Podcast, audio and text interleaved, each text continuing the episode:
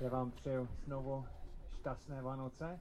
A jako už slyšíte, já mám jiný přízvuk než vy, ale jsem taky z Freelandu. Bydlím tady se svou rodinou už 14 let a je úžasné, že můžeme společně něco tak krásného prožít dnes, dnešní večer. A už máme několik společné zážitky za sebou. A jsme prožili Vánoce, jsme něco zpívali, jsme taky slyšeli něco z Božího slova. Ale já si myslím, že dneska jsme měli více společných zážitků. Například, i když jsem nebyl u vás doma, já bych předpokládal, že příprava na Vánoce trval mnohem déle než samotné událost u vás. Bylo to tak? To, to je společný zážitek, který jsme měli dneska. A dlouho jste našli nebo hledali jste toho správného kapra. A dlouho to trvalo ho zabít skutečně a připravit uh, jídlo na, na večeře. Ale tak rychle je to za, za námi. A zůstává jenom špinavé nábdobí, které musíme čistit. Jak dlouho jste hledali skutečně správného dar, dárky pro vaši rodinu? Jak dlouho jste šetřili a přemýšleli o tom, jak, jak to všechno připravit? Jak dlouho to trvalo to správně nabalit a jak rychle to bylo rozbalené a za sebou. Vánoce velmi rychle utíká, i když příprava trvá dlouho. Další společný zážitek, který jsme měli, je, že velikost dárku normálně neodpovídá jeho hodnotě. Jako dítě jsme vždycky soutěžili, kdo měl nej, největší dar pod stromíčkem. Protože jsme mysleli, že největší krabice znamená nejhodnotnější dar. Ale my víme, že to tak není. Že někdy malé věci mají velkou hodnotu. A věci, které moc nestojí, a pro nás hodně stojí. Protože znamená to, že, že někdo nás má velmi rád. Další společný zážitek, které si myslím, že jsme měli, je, že pravděpodobně nejlepší dary nebyly viditelné nejhodnotnější věci nejsou věci, které můžeme držet v ruce, ale jsou věci jako rodina, jako láska, jako věci, které společně prožíváme. Vánoční nálada, možnost eh, přemýšlet o, o věci, které jsou uh, trvalejší. To jsme společně prožili a dokonce to jsme společně prožili s, s těmi lidmi, kteří měli první Vánoce. O tom, o, o tom jsme právě slyšeli, když jsme četli ten vánoční příběh. Maria a Josef jeli do, šli do Betlehemě a tam se narodil Ježíš. A příprava na Vánoce trvalo mnohem déle než samotné událost i pro Josefa a Maria. Dokonce několik set let předtím Možíš o tom mluvil. Mluvil, že Mesiáš někdy přijde. 700 let předtím prorok Izajáš mluvil, říkal proroctví o tom, že se narodí Immanuel, Bůh s námi. A Michaješ přímo mluvil o tom, že se narodí Mesiáš v Betlehemě. Samotná příprava byla mnohem delší než, než uh, událost.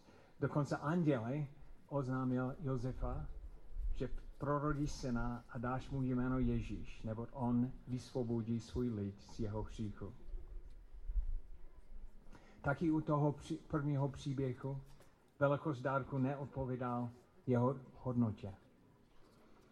Když uh, anděli říkali, neboj se, hledej, zvěstuje vám velkou radost, která bude pro všechen lid, dnes se, nar, nar, se vám narodil Spasitel, Kristus Pán, ve městě Davidově. Ježíš byl malé dítě, ale v skutečnosti byl syn Boží. On byl stvořitel světa. On přišel, aby ukázal nám cestu k Bohu. On přišel jako Boží největší dár. Ten, kdo by měl zemřít za naše šíky. Přišel jako ukázka, že Bůh nás miluje a chce mít vztah s námi. A i když to dítě byl velmi malé, měl obrovskou hodnotu. možná největší hodnotu, které může dokonce být. A stejně u toho prvního příběhu nejlepší dary nebyly viditelné. Nevím, jestli vy někdy prožíváte u Vánoce, že když všechno je za námi, že máte pocit, že něco stále chybí. My máme přátelé, ale nemáme vnitřní pokoj. A máme věci, ale neznáme její význam. Máme různé prožitky, ale přesto jsme prázdní. My bychom měli být spokojení, ale nejsme. A přirozeně se cítíme, že něco chybí. A důvodem je, že jsme duchovní bytosti a měli bychom mít vztah s Bohem. A když ten vztah tam není, takže velmi přirozeně cítíme tu prázdnotu. Janovi evangelium Jan psal, neboť Bůh tak miloval svět, že dal svého jediného syna, aby žádný, kdo v něho věří, nezahynul, ale měl život věčný. A to je právě důvod, proč ti anděle, když oznámili národ Ježíši, říkali sláva na výstostech Bohu a na zemi pokoj mezi lidmi. Bůh v nich má zálibení. Nevím, jestli jste všimli v tom příběhu, jak často nějaký anděl měl, měl oznámení. Anděl navštívil Josefa a říkal, že se narodil Ježíš. Anděl navštívil Maria ukázal a, a říkal o tom, že se narodí dítě. A já si myslím, že anděle musí tak často přijít, protože další společné věc, které máme, je, že často nevnímáme, co se děje kolem nás. A potřebujeme, aby někdo nám to oznámil. Máme možnost dneska se zastavit a slyšet význam toho příběhu. Máme možnost eh, se zastavit a, a všimnout, co má největší hodnota. Můžeme se zastavit a všimnout naše potřeby pro vztah s Bohem. A uvědomit se, že důvod, proč Ježíš přišel, je, aby otevřel tuhle možnost. Právě proto, to, co ty anděle říkali na konci, to může být i pro nás dneska. Na zemi pokoj mezi lidmi, Bůh v nich má zalíbení. Nejlepší dary nejvýznamnější dary dneska nejsou viditelné. To je vztah s Bohem, který může pro nás poskytnout skutečně vnitřní pokoj a přinést do naší život význam, který je větší než jakýkoliv dar, který můžeme přijmout. A právě proto, protože Ježíš přišel na zem, a aby ukázal nám cestu k Bohu, můžu vám skutečně říct dneska šťastný a, Vánoč, a, a, a veselé Vánoce. Amen.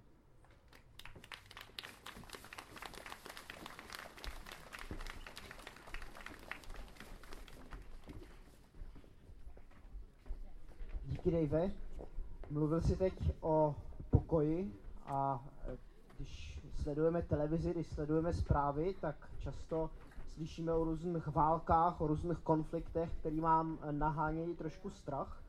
Tak já jsem se tě chtěl zeptat, jestli by si se za nás mohl pomodlit, aby my jsme ten vnitřní pokoj, o kterém jsi mluvil, aby jsme ho opravdu měli. Děkuji. Modlíme se. Pane Bože, díky za to, že nás miluješ, díky za to, že jsi ukázal svou lásku tím, že jsi poslal svého jediného syna, aby přišel na zem, aby zemřel za naše šíchy, otevřel cestu k Bohu. My víme, že skutečně pokoj jenom pochází od tebe. Prosím tě, abychom mohli dneska tohle přijmout. Věřit v Ježíši, věřit tobě. A prosím tě, abys přinesl pokoj, které, které války nemůže zničit, které okolnosti nemůže pohltit, které přichází jenom od tobě. Díky za to, že nás, nás miluješ jsi ukázal svou lásku tím, že jsi poslal svého jediného syna. A v jeho jméno říkám Amen.